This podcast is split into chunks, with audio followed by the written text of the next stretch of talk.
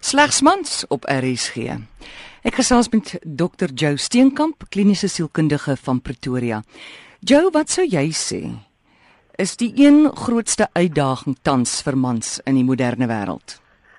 Ek wil graag begin deur net vir jou te sê dat jy weet in 1985 toe ek en my vrou ons praktyk oopgemaak het, het ons onder 5% mans gesien in praktyk. Mm. En dit was maar ook omdat hulle bietjie so aan die hand gelei was na die praktyk toe.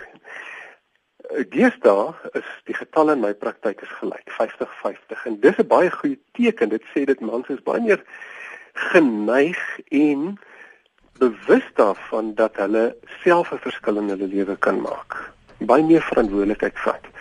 As ons gaan kyk na die wat mans mee gekonfronteer word, die uitdaging dan sal ek dit graag in twee fases opdeel. Jy weet jou eerste fase, jy weet jy, jy het hierdie jong mans wat in die sakewêreld ingaan en hulle met 'n identiteit gaan vestig. Dit is 'n bietjie soos die ou jagter uh sindroom, jy weet jy moet uitgaan, jy moet genoeg kos terugbring. En daar's baie stres op hierdie jong mans om daai identiteit te gaan vestig in 'n maatskappy of 'n individuele praktyk of so aan. So die werksidentiteit en die seksuele identiteit is 'n vreeslike primêre ding. So met die eerste fase van jou mans lewe, nou dat jy man geraak het, is maar baie gefokus op daai twee goeders jy weet. Goed so, ons verstaan nou jou met beroep, jy wil uithaal en wys jy wil suksesvol wees en dan jou seksuele identiteit. Wat sal nou die groot Dis om 'n goeie suksesvolle man vir jou vrou te wees. Hmm. Jy weet die hele ding van 'n manlikheid. Daar's so man energie ding as ons van seksualiteit praat. Wat jou vrou dink, jy weet jy jy is die beste man wat daar is. Hmm. En, en hoe dink mans deesdae? Hoe hoe moet hulle dit regkry met hulle vroue want volgens ons vroue slaag hulle nie noodwendig daar so baie daarin nie ek dink die manual wat ons moet kry kleintyd mm. word nie uitgedeel nie. Man verstaan nie vrouens nie. Jy weet dit, dit is maar nou ongelukkig so die fokus wat 'n man het op daai fase van sy lewe mm. is nie die fokus wat noodwendig die beste is vir 'n verhouding. Dit is 'n baie sterk ego fokus. Dis 'n baie sterk ek fokus. Weet 'n hele ding van 'n ego is ek is apart van en ek is bietjie beter as of bietjie slegter mm. as. Ek sien myself nie as deel van 'n stelsel nie daar is 'n bietjie van 'n miskommunikasie tussen man en vrou daar. Nou hoe moet daai padkaart lyk uh, vir 'n jong kind dat hy darm weet hoe 'n vrou te bevredig?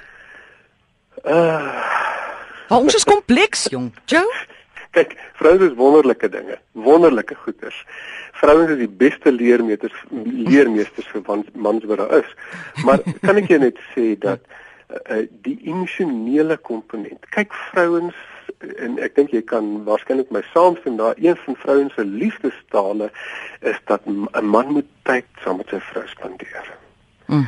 Kwaliteit tyd. Of dit nou is by die kwekery of dit is by die winkels of dit nou is waar ook al. Kwaliteit tyd.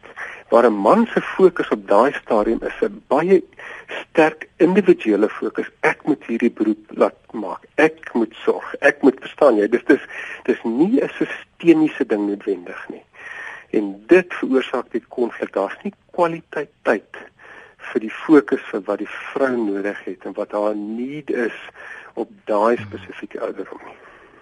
Daar was nou onlangs navorsing gedoen en vir vroue gevra wat is hulle twee grootste uitdagings met mans en hulle het gesê hm. die een is hulle hulle mis emosionele intimiteit en die ja. ander ene is ag man maak net die swembad skoon. As jy gesê het jy gaan dit doen, dit net en kry klaar. Kom ons praat van emosionele intimiteit. Uh, Hengman, hoe gaan mans by ons uitkom? Kyk, ek dink vrouens moet vir mans daai dingetjie leer. Daai ding van wat beteken emosionele intimiteit. Ek het eendag vir 'n man gevra wanneer dink hy sy vrou gelukkig toe sy vir my as hy vir orgasme gegee het. Nou dit is so beperk in daai fokus wat daai man gekyk het. Emosionele intimiteit is 'n baie breër ding, net dis 'n dis 'n ding waar ons met mekaar se siele aanraak en dat ons met mekaar gesels en dat ons praat oor gister en vandag en môre en uitvind wat is die dinge wat vir mekaar saak maak. En seksuele deel wat vir man so sterk fokus het op daai stadium is is maar net uh, nog 'n funksie of nog 'n faktor wat bykom. So dis nie so primêr nie.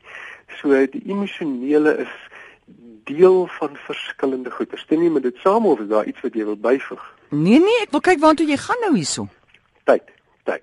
Ek Is dit die belangrikste? tyd saam spandeer. Tyd saam spandeer. Goed. Ehm um, as as ek oor die jare werk met met mans en vrouens in my praktyk, dan is die een ding Mm. wat vrouens sou sê is daai huweliksprobleme onder andere is, is my man is nie daar nie. Goed.